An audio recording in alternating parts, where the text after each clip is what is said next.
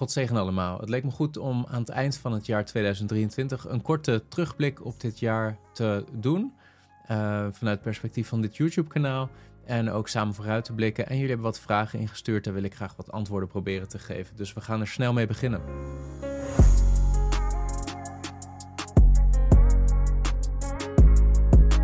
Ik wil jullie allereerst allemaal bedanken voor jullie betrokkenheid bij dit uh, YouTube-kanaal. Het is iets wat ik door Gods genade uh, mag doen sinds een paar jaar. En, maar het afgelopen jaar is wel echt een bijzonder jaar geweest in de zin dat dit YouTube-kanaal enorm is gegroeid. In het afgelopen jaar zijn er ongeveer 5000 abonnees bijgekomen, waardoor het totaal aantal op ongeveer uh, eh, 8700 abonnees nu staat. En dat is, dat is een stuk meer dan ik had uh, durven denken een paar jaar geleden toen ik begon met dit YouTube-kanaal. En daar wil ik jullie ook voor bedanken voor jullie belangstelling in deze video's. En ik ben God en onze Heer Jezus Christus boven alles dankbaar voor de bediening die ik mag hebben rondom apologetiek door middel van dit YouTube-kanaal en ook podcast. Want de video's die ik online zet op mijn YouTube-kanaal, die worden ook als podcast uitgebracht op Christelijk Apologeet als podcast. Dus nou, ik ben heel dankbaar voor dit afgelopen jaar. Er zijn ook een aantal video's die bijzonder veel bekeken zijn geweest. En dat is voor mij persoonlijk ook wel uh, leerzaam. De video's die het meest bekeken zijn het afgelopen jaar, dat zijn de video een analyse van de botsing tussen Thierry Baudet en Rob Jette. Wat is non-binair? Uh, die video die is geüpload op 10 november en die is sindsdien nu bijna 50.000 keer bekeken, ook door veel niet-christenen. Dus ik denk dat dat duidelijk een video was en een, een onderwerp is uh, wat veel mensen aansprak. En dat deze video ook wel um, niet alleen christenen, maar ook niet-christenen aansprak, omdat het ja, zo illustrerend is ook voor de tijd waarin wij leven, die, die soms zo ver af kan staan van bijbelse fundamenten. En ja, dat het ook wel een verademing kan zijn om soms naar dat soort staatstelevisie te kijken hè, van de NPO. Ehm, ja, en daar vanuit een wat kritisch christelijk wereldbeeld ook naar te kijken. Van wat wordt hier nu gezegd en wat is eigenlijk de waarheidsstatus van die uitspraken die er worden gedaan. Dus dat, dat valt op. En misschien is dat ook een les voor mij voor het jaar 2024. Dat kennelijk velen van jullie geïnteresseerd zijn in, in ook gewoon een stukje interactie en analyse van wat er speelt in de samenleving vanuit een christelijk wereldbeeld. Um, en dat wordt ook een beetje geïllustreerd door een tweede video die behoorlijk veel bekeken is. Dat is de video De Islamitisch-theologische drijfveren van Hamas. Wat je niet hoort in het nieuws. Een tafelgesprek wat ik heb opgenomen met Rick van het YouTube-kanaal Gedachtegoed. Ook die video is inmiddels bijna 50.000 keer bekeken, nu zo'n 45.000 keer. Um, ja, en dat zijn, dat zijn aantallen van views die, ja, die ik niet had durven voorspellen uh, toen ik die video's uploadde. Maar dat zijn video's die kennelijk veel bekeken zijn. En ook dat gaat natuurlijk over een heel actueel thema. Iets wat in het nieuws is. De oorlog die speelt op dit moment in Gaza en in Israël. De situatie rondom Hamas. En uh, ja, wat er gemeenschappelijk is tussen die eerste video die ik noemde en die tweede, is dat het allebei video's zijn over actuele thema's. En um, dat kennelijk de behoefte er ligt bij vele uh, mensen op YouTube uh, om vanuit een christelijk wereldbeeld ook een analyse te zien van actuele thema's, dingen die spelen in de samenleving. Een andere video en video's die veel bekeken zijn geweest, zijn video's die ik begin dit jaar heb uh, geüpload rondom de Word of Faith beweging. Ik denk dat daar ook veel christenen zijn die behoefte hebben aan goede informatie daarover. Ik ben zelf een beetje zoekende, en dat hebben sommigen van jullie ook gemerkt, in hoe kan ik nou een bepaalde theologie adresseren, waar ook wel echt bijbelse problemen in zitten, uh, zonder te veel op de man um, ja, te spelen en bepaalde mensen te sterk te koppelen aan die theologie, waarbij soms mensen ook nog wel eens later tot nieuwe inzichten komen en het ook niet, denk ik, bijbels is om die naam voor eeuwig te koppelen aan een bepaalde theologische dwaling. Uh, dus daar ben ik ook wat zoekende in geweest. Uh, maar bijvoorbeeld een eerdere video van begin dit jaar over het welvaartsevangelie en het misverstand rondom de zegen van Abraham, die is in bewerkte vorm gewoon te beluisteren. Nou, dus afgelopen jaar veel nieuwe abonnees erbij gekomen. Uh, veel video's die best wel veel bekeken zijn, ook meer dan 10.000 keer bekeken. Dus daar ben ik God alleen maar dankbaar voor. Uh, en ik ben er verwonderd over dat zoveel van jullie uh, een behoefte hebben aan dit soort uh, video's. En ik ben dankbaar dat ik daar iets in mag betekenen voor, voor jullie. Um, vooruitkijkend op het jaar 2024 denk ik dat ik hieruit opmaak dat er ook voor het komend jaar misschien een grote behoefte is om niet alleen maar puur theologische video's te maken, maar ook de verbinding tussen apologetiek en theologie en wat er gebeurt in de samenleving, om die nog wat meer te leggen. En dat is natuurlijk uiteindelijk ook wat je doet met apologetiek. Apologetiek gaat over geloofsverdediging jegens andere wereldbeelden. En dan is het logisch om met name aandacht te geven aan die afwijkingen, die wereldbeelden die, die ook relevant zijn in de samenleving van Nederland vandaag de dag. Dus ik zal dat proberen door Gods genade te blijven doen, ook in het jaar 2024. En uh, wat vaker ook te reageren, bijvoorbeeld op tv-fragmenten of um, op artikelen of op andere YouTube-video's um, met afwijkende standpunten of afwijkende theologische perspectieven of posities. Um, dus dat is een les voor het jaar 2024 en wat mij betreft ook iets wat, ja, wat op mijn hart ligt om daarmee door te gaan. Uh, een tweede aspect is, we hebben dit jaar een interessant gesprek gehad. Ik samen met Karel de Lange met twee atheïsten. Dat is ook best wel veel bekeken geweest nog. Um, en ja, ik denk dat die interactie ook wel iets is wat uh, gewaardeerd wordt. Gewoon een, een interactie, een tafelgesprek of een debat tussen twee christenen en twee atheïsten. Of misschien in de toekomst ook wel uh, ik als christen uh, met andere wereldbeelden, andere denkenden of andersdenkenden. Uh, ook daar sta ik voor open om daar het komende jaar, zover als het kan, hè, met de tijd die mij gegeven is, um, waar ik straks nog iets over zal zeggen, uh, om daar nieuwe video's over te maken. Um, ja, het is wel zo dat, uh, en dat, dat valt sommigen van jullie misschien wel eens op. Ik reageer niet zo heel vaak op comments. Uh, en sommige van jullie mailen mij wel eens en het lukt me lang niet altijd om daar een antwoord op te geven. En dat is ook gewoon omdat um, ja, in mijn persoonlijk leven het best wel druk is. Ik doe dit dit YouTube-kanaal is niet iets waar ik geld aan verdien. Het is niet de manier waarop ik um, aan het einde van de maand rondkom. Ik, ik krijg ook geen inkomsten uit dit YouTube-kanaal. Het is iets waar ik eigenlijk alleen maar kosten op maak, maar advertenties staan bewust uit. Uh, dus ik, ik verdien er niks mee. Er worden wel eens soms comments geschreven die zouden suggereren dat ik dit doe voor het geld. Nou, dan zou dat heel dom zijn, want ik verdien hier helemaal niks mee. En het kost me alleen maar uh, geld in de zin van camera's of opnameapparatuur, videobewerkingssoftware, dat soort dingen. Uh, en, en tijd. De tijd die geïnvesteerd wordt in het maken van zo'n video, dat zijn allemaal dingen die, ja, die mij vooral iets kosten, maar niet uh, geld opleveren. Dus ik verdien hier niets mee. Het kost me alleen maar geld. Het is nooit mijn bedoeling geweest om hier geld aan te verdienen. En um, ik doe dit om de Heer Jezus Christus te dienen. En om, om Hem te eren die mij gekocht en betaald heeft met zijn bloed. Dus uh, als ik de Heer Jezus mag dienen, dan is dat voor mij op zichzelf een beloning en een voorrecht. Um, maar ik verdien er dus verder geen geld aan. En dat betekent dat ik ook gewoon voor mijn gezin moet zorgen uh, door een baan ernaast te houden. En ik mag een mooie baan hebben als psychiater bij De Hoop, waar ik veel uh, genot uit haal, wat ik met veel passie en, en vreugde doe. Maar dat zorgt ervoor dat er ook niet altijd evenveel tijd is om nieuwe video's te maken voor dit YouTube-kanaal. En ik weet niet welke kant de Heere God dat opleidt in mijn leven. Um, maar op dit moment ervaar ik in allebei die richtingen, zowel voor apologetiek als voor betrokkenheid in de gemeente. Uh, maar dus ook voor het zijn van psychiater, een stukje roeping in mijn leven. Uh, en lijkt het erop dat het jaar 2024 dat niet anders zal zijn. Dus dat betekent dat ik wel beperkte tijd heb voor dit YouTube-kanaal. En de tijd die ik heb vooral geïnvesteerd wordt in het maken van nieuwe video's of het verdiepen in bepaalde onderwerpen om daar weer video's over te kunnen maken. En dat gaat ten koste soms van het beantwoorden van comments en e-mails. Maar wat ik vaker zeg is, op het moment dat ik zie dat bepaalde thema's herhaaldelijk terugkomen in comments, dan probeer ik daar wel een nieuwe video aan te wijden. Dus dat is dan de manier waarop ik toch probeer daar wat mee te doen. Um, dus ook voor het jaar 2024 zal het een uitdaging zijn om mijn normale werk te combineren met het YouTube-kanaal. En daarnaast een jong gezin met jonge kinderen, uh, waaronder een tweeling. Ik heb een, twee jongetjes van twee jaar oud, daarnaast een dochter van vijf. Eh, en ik wil ook gewoon een gezonde bijbelse christelijke man zijn in een gezin. dus het gezin heeft prioriteit over dit YouTube-kanaal. Um, en dat betekent dat ook daar veel, veel tijd in gaat zitten als je dat goed wilt doen. En ik, ik zie het zelf niet als iets uh, gezonds om, om heel veel tijd te investeren in een YouTube-kanaal uh, en dat ten koste van het gezin te laten gaan. Dus dit, dit YouTube-kanaal komt altijd op een lager niveau te staan in mijn prioriteitenlijst.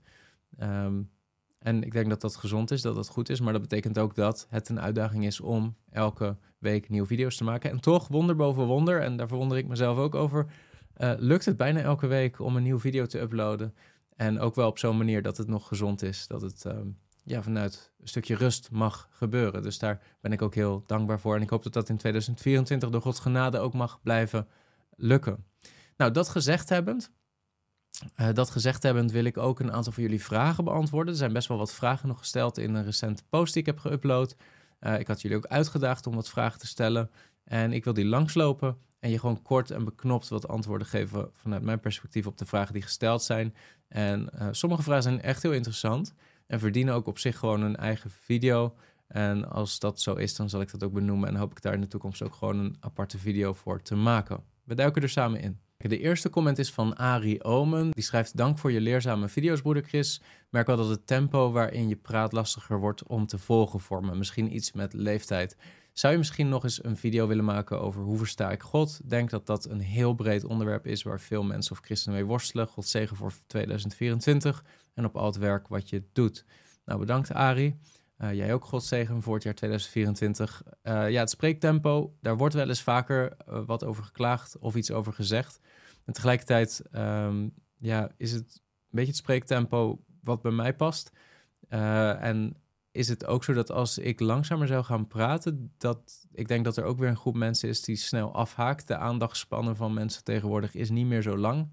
We leven wat dat betreft echt in een beeldcultuur en uh, niet voor niets uh, doen de shorts op YouTube het heel erg goed. Mensen hebben een korte aandachtspannen, willen eigenlijk dat het punt al binnen 30 seconden gemaakt is. Anders dan klikken ze weer op een nieuwe video. Dus een klein beetje tempo en snelheid erin is soms ook nodig. Maar als ik een tip mag geven, YouTube heeft ook de mogelijkheid om vertraagd af te spelen hè, met 0,75 keer snelheid of 0,5 keer snelheid. Hè, dus dan halveer je het. Uh, dus dat kan een manier zijn om het uh, haalbaar te maken om zo'n video te beluisteren.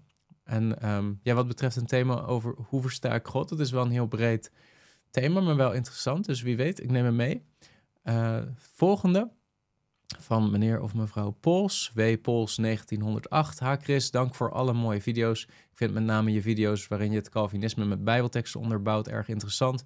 Nu heb ik recent enkele debatten gekeken waarin William Lane Craig het Molinisme verdedigt als bijbelse oplossing om de vrije wil en Gods soevereiniteit met elkaar in overeenstemming te brengen. Wat vind jij van deze theorie? Verschilt het wezenlijk van het Arminianisme en wat zijn de problemen die je hebt met het Molinisme? Nou, hele goede vraag, uh, Wepels.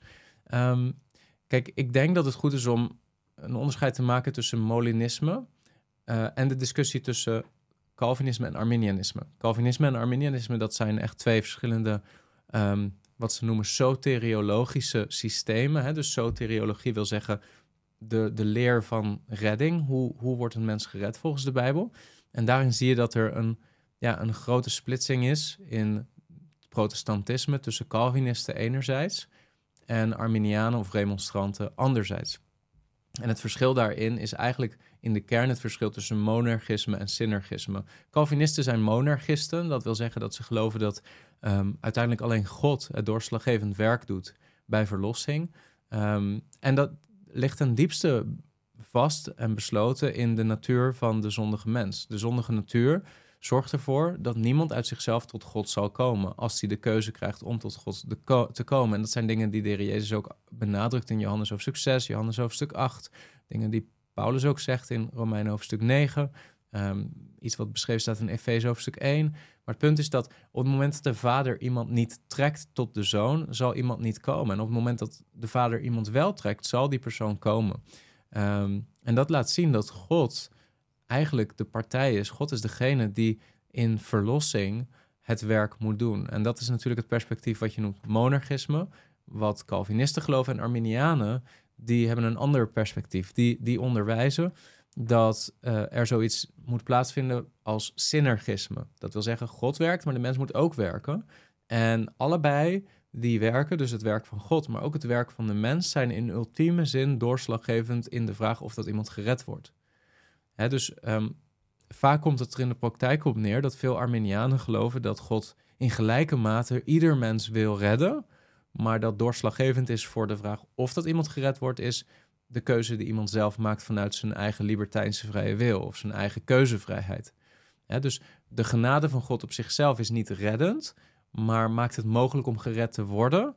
En dat noem je ook wel prevenient grace. Dus God geeft bepaalde genade en die is ook nodig om gered te worden, maar is niet voldoende op zichzelf. Uiteindelijk moet jij ehm, moet jij ook de gave van geloof aannemen. Uh, en is dat een, ja, een besluit van de vrije wil. Terwijl de Calvinist zegt, ja, maar wat de Bijbel onderwijst, en we kunnen daar allerlei teksten bij halen, heb ik in het verleden ook in video's gedaan. Maar de Calvinist zegt, wat de Bijbel onderwijst, is dat de, de mens is zo ten diepste beïnvloed door zijn zondige natuur, dat gegeven de keus om tot Jezus te komen, een mens nooit tot hem zal komen. En dat is in feite wat Jezus ook zegt, bijvoorbeeld in Johannes over succes, dat niemand tot hem kan komen tenzij het hem gegeven is van boven of tenzij hij door de Vader getrokken wordt. En op het moment dat je dan zegt, ja, maar ieder mens wordt door de Vader getrokken. Ja, als je Johannes over succes zorgvuldig leest, zou dat er ook in moeten resulteren dat iedereen die door de Vader getrokken wordt, uiteindelijk ook behouden zou moeten worden, in Christus zou moeten zijn, opgewekt zou moeten worden op de laatste dag. En we lezen later ook in de Bijbel en op andere plekken dat dat niet zo is. Dat er zoiets is als een groep uitverkorenen. En dat God bepaalde mensen van voor de grondlegging van de wereld heeft uitverkoren om behouden te worden in Christus Jezus. Hij heeft niet een plan verkoren, hij heeft niet een, uh, alleen zijn zoon uitverkozen, maar hij heeft een groep mensen in Christus Jezus uitverkoren vanaf de grondlegging der wereld om in Christus Jezus aangenomen te worden. Nou, um, als je het dan hebt over Molinisme, Molinisme uh, raakt wel aan dit vraagstuk, maar gaat eigenlijk over iets anders. Namelijk, hoe verzoen je Gods soevereiniteit en het feit dat God um, de toekomst van tevoren kent en het feit dat God zaken predestineert volgens de Bijbel, hoe verzoen je dat met het idee dat de mens ook een vrije wil heeft? Um, dat wil zeggen dat, dat ook weer de mens in ultieme zin um, keuzes maakt die niet voortvloeien vanuit condities die God heeft opgelegd aan de mens of, of situaties zoals God die heeft verordineerd, maar puur vanuit de vrije wil in ultieme zin van de autonome mens zelf. En hoe verzoen je die twee ideeën met elkaar? Dus Gods soevereiniteit en zijn plan vanaf voor de grondlegging der wereld met het idee dat de mens ook een vrije wil heeft. En Molinisme probeert die twee bij elkaar te brengen door te zeggen dat God zoiets heeft als middenkennis. Dat wil zeggen, God, voordat hij de wereld heeft geschapen zoals die is, uh, en zoals die was, voordat God zijn scheppend werk heeft gedaan, had God bepaalde kennis. Kennis van hoe, um, gegeven bepaalde omstandigheden, uh, de wereld zal, eruit zal gaan zien. Hè? En, en Molinisten, um, die gebaseerd zijn op een Jezuïet genaamd De Molina, um, een, een contra-reformateur, iemand die tegen de reformatie was, rooms-katholiek was. Um, maar uh, deze De Molina, die had dit idee dat God kennis had genaamd natuurlijke kennis, kennis genaamd middenkennis en kennis genaamd vrije kennis. En waar het op neerkomt is dit, dat God, voordat hij besloot de wereld te maken, al kennis had van hoe allerlei mensen met een eigen vrije wil keuzes zouden maken gegeven bepaalde omstandigheden dat noem je middenkennis. Dat wil zeggen, God weet hoe een mens zou kiezen als bepaalde situaties en bepaalde omstandigheden op een bepaalde manier voorgegeven worden. Dus God heeft dan eigenlijk voordat hij een wereld creëert, hè, vanuit zijn vrije kennis een wereld maakt, heeft hij allerlei scenario's als het ware in zijn gedachten over als je deze wereld maakt, als dat een plausibele wereld is, een wereld die hij kan maken, um, wie zullen er dan gered worden? Wie zullen er dan kiezen uiteindelijk voor Jezus Christus? Wie zullen er dan uiteindelijk geloven en wie zullen er niet geloven? En op die manier heeft God vanuit zijn middenkennis, vanuit kennis van hoe zouden vrije wilsbesluiten eruit zien, gegeven de wereld die hij dan creëert, en wie zouden er uiteindelijk tot geloof komen en wie niet, um, heeft God vanuit allerlei soorten werelden een wereld gekozen te maken waarbinnen hij weet wie er uiteindelijk tot Christus zullen komen. En, en dat is een manier om Gods soevereiniteit te hebben, want Gods soevereine vrije wil uh, vindt dan vooral plaats op het moment dat God een, een mogelijke wereld kiest om te instantiëren, te scheppen, um, en andere werelden verwerpt en niet kiest. Wetend dat binnen die wereld die hij uiteindelijk kiest te scheppen, er bepaalde mensen zullen zijn die voor Christus kiezen en bepaalde mensen die niet voor Christus kiezen. En Um, het ingewikkelde is dat God dus eigenlijk niet elke wereld had kunnen scheppen die hij had willen scheppen, volgens het Molinisme.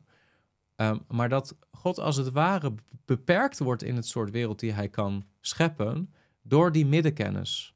En middenkennis het is wat onduidelijk in Molinisme wie dan precies de restricties oplegt van die middenkennis. En om het even concreet te maken, want dit klinkt misschien allemaal best wel ingewikkeld en vaag. Maar stel je voor, je hebt een, uh, je hebt een man genaamd Jan. En uh, God, voordat hij begint te scheppen, vanuit zijn middenkennis, uh, bedenkt dat hij een Jan gaat maken. Dat Jan onderdeel zal zijn van de wereld die God gaat scheppen. Um, vanuit Molinisme, en als je dat combineert met hoe wordt een mens gered, zou je het een beetje zo moeten zien. God heeft als het ware 100 werelden in gedachten. En in 50 van die 100 werelden komt Jan tot geloof, wordt hij een christen. En 50 van die werelden komt hij niet tot geloof. En ja, dan heeft God een van die 50 werelden gekozen. Hè, laten we daarvan uitgaan. Waarin Jan tot geloof komt, omdat dat de, de beste wereld zou zijn. En uh, veel Molinisten geloven dat God vanuit alle mogelijke werelden die hij had kunnen maken heeft gekozen om die wereld te maken waarin er zoveel mogelijk mensen tot geloof komen in hem hè, en zich bekeren en gered worden en zo min mogelijk mensen verloren gaan. Um, dat is niet iets wat je in de Bijbel tegenkomt. Dat zijn allemaal filosofische concepten die, die opgelegd worden aan de Bijbel. En dat is een eerste punt van kritiek ten aanzien van Molinisme, is dat het niet zo heel duidelijk bijbels gefundeerd is, maar dat het meer een soort filosofisch systeem is, wat, ja, wat, wat mensen als William Lane Craig, maar ook De Molina zelf, opleggen aan de schrift, um, maar niet iets wat voortvloeit uit de schrift. Dus dat is een eerste ding wat zou moeten maken dat we wat kritisch zijn. Dat we kritisch moeten nadenken over deze leer van, is dit inderdaad wat de Bijbel leert? Maar problematischer wordt het op het moment dat je beseft dat dus God heeft gekeken naar al die potentiële werelden die hij had kunnen maken en heeft die wereld gemaakt waarin bijvoorbeeld Jan gered wordt, maar ook Pietje gered wordt en ook Klaasje. Um, maar er is kennelijk geen enkele denkbare wereld of geen mogelijke wereld op basis van de restricties van die middenkennis waarin iedereen gered wordt. En dat roept vragen op. Waarom niet? Waarom zou God beperkt zijn om niet iedereen te kunnen redden? En is dat inderdaad wat de Bijbel leert? En wat legt deze beperkingen op aan God? Is er iets groter dan God? Is er iets buiten God wat groter is dan Hemzelf, wat ervoor zorgt dat Hij niet elke wereld die hij ten diepste zou willen creëren, kan creëren. Ehm, dat, dat is een ingewikkeld concept waar, waarvan ik denk dat, um, dat het niet makkelijk te rijmen is met wat de Bijbel onderwijst over Gods soevereiniteit. Uh, Gods soevereine wil wordt niet zozeer beperkt door, zelfs niet door de wil van mensen, leert de Bijbel op allerlei plekken. Dus um, zelfs het hart van de koning is in de hand van de Heer. En hij laat het op zo'n manier uh, neigt hij het dat het uiteindelijk zijn wil uitvoert. En dat zie je ook in de oordelen bijvoorbeeld over Israël door Assyrië en door Babylon. Dat zijn, zijn natieën die, die hele andere doelen hadden met eh, de invasie van Israël en Juda en ballingschappen. En, maar waarvan God zegt, ja, maar ik gebruik hen als mijn knechten om mijn oordeel uit te voeren. Dus God wordt helemaal niet gehinderd door de wilsbesluiten van mensen om uiteindelijk zijn grotere soevereine plan ten uitvoer te brengen. Dus ik zie hier niet een goede bijbelse fundering voor Molinisme. Ehm, maar er is een ander probleem en dat is dat het dus ook zo kan zijn dat er geen enkele denkbare wereld is waarin, laten we weer een naam verzinnen, ehm, laten we zeggen Kees. Laten we zeggen dat er iemand is, een mens genaamd Kees. En God heeft die honderd verschillende denkbare werelden bekeken, maar in geen enkele van die werelden kan Kees gered worden. Dat, dat, dat, dat wil zeggen dat er kennelijk iets is, groter dan God zelf, wat hem de beperking oplegt dat Kees in geen enkele denkbare wereld gered kan worden. En let wel, dat is voordat Kees überhaupt geschapen is door God. Dus wat, wat beperkt God om Kees te maken zoals hij Kees wil maken? Dat is volstrekt onduidelijk. En als je zegt, ja, dat is de vrije wil van Kees. Maar Kees, let wel, is door God gemaakt. Uh, of zal door God gemaakt worden op het moment dat God op een gegeven moment de knoop doorhakt en uit al die potentiële werelden één wereld kiest. er is iets in Molinisme, en dat, dat lijkt niemand goed te kunnen uitleggen, wat de kaarten deelt, wat bepaalt wat God wel of niet kan kiezen ten aanzien van de wereld die hij maakt. En de Bijbel leert niet dat God op die manier beperkt wordt. Er is niets groters dan God zelf. Er is niets buiten God wat hem restricties oplegt ten aanzien van wat hij wel of niet kan doen. En, en dan komen we bij een, een laatste probleem wat zo even in mijn gedachten komt. En dat is dat de Bijbel leert dat eigenlijk niemand tot God komt uit vrije wil, vanuit zijn eigen wil. De, de, de wil van de mens is gebonden door de zonde. De mens is een slaaf van de zonde. Een slaaf gaat niet uit zichzelf. ehm, de zonde afleggen, maar het is iets wat een bovennatuurlijk werk moet zijn van God. God is het die mensen bevrijdt van die slavernij aan zonde. Het is volgens de Efezebrief, Efeze hoofdstuk 2, een bovennatuurlijk werk van God dat de dode zondaar, die dood is in zonde en die God negeert, die, die, die God vijandelijk gezind is, dat hij tot een nieuw hart komt en een nieuwe houding ten opzichte van God. Daar is een bovennatuurlijk werk van wedergeboorte voor nodig. En hoe rijm je dat dan met Molinisme, wat eigenlijk uitgaat van de vrije wil van de mens? Terwijl de Bijbel leert dat de mens vanuit zijn vrije wil, hè, vrije wil, want de Bijbel uh, noemt de term vrije wil nergens. Uh, de Bijbel laat juist zien dat de wil van de mens gebonden is. Hè, de, de, degene die de zonde doet is een slaaf van de zonde, zegt Jezus. Iedereen doet de zonde. Alle mensen zijn dus slaven van de zonde. Dus de wil van de mens is gebonden, zoals Luther ook zei um, in zijn schriftelijke interactie met Erasmus. Um, maar het punt is, God om een mens te redden kan niet slechts kijken naar de toekomst en hopen dat iemand voor hem zal kiezen, maar God moet een werk van wedergeboorte doen, waardoor een mens geneigd zal zijn om voor hem te kiezen. Nou, dat even over Molinisme. Als je dit een interessant thema vindt, dan wil ik er nog wel eens een hele video aan wijden. Uh, ik lees voor nu eventjes verder. Roelof Jan. Dag Chris. Ik ben benieuwd hoe jij deze teksten ziet. Prediker 9, vers 10. Alles wat uw hand vindt om te doen, doe dat met uw macht, want er is geen werk, nog verzinning, nog wetenschap, nog wijsheid in het graf, daar gij heen gaat. Deuteronomium 31, vers 16. En de Heere zeide tot Mozes, zie, gij zult slapen met uw vaderen. Psalm 6, vers 6. Want in de dood is u er geen gedachtenis. Wie zal u loven in het graf? 1 Thessalonicense 4, vers 16. Want de Heer zelf zal met een geroep, met de stem des archengels en met de bazuinen Gods neerdalen van den hemel. En die in Christus gestorven zijn, zullen eerst opstaan. Kan ik hieruit uithalen dat wij tijdelijk gaan slapen en opstaan met Jezus' terugkomst?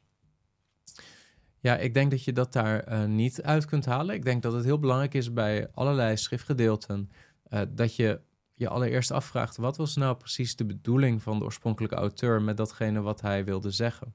dus als je Prediker 9, vers 10 leest en er staat: alles wat uw hand vindt om te doen, doe dat met uw macht, want er is geen werk, nog verzinning, nog wetenschap, nog wijsheid in het graf, daar gij heen gaat.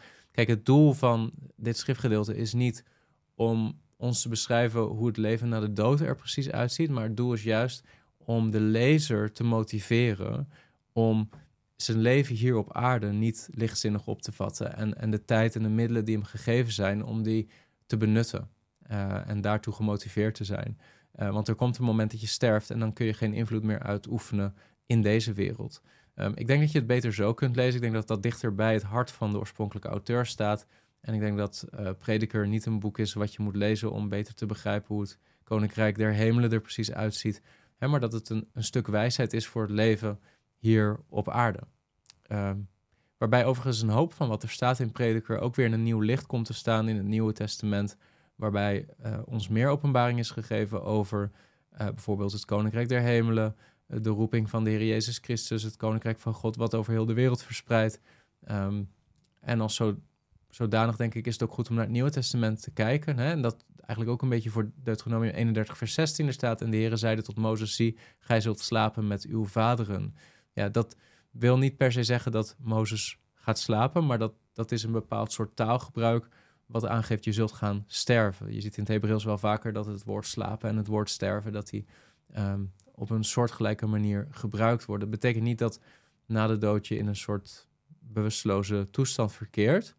Um, en sterker nog, in het Nieuwe Testament zijn er ook wel teksten die laten zien dat het juist niet zo is. Hè? Er staat in Filippenzen hoofdstuk 1, um, vers 21, daar zegt Paulus: Want het leven is voor mij Christus en het sterven voor mij winst.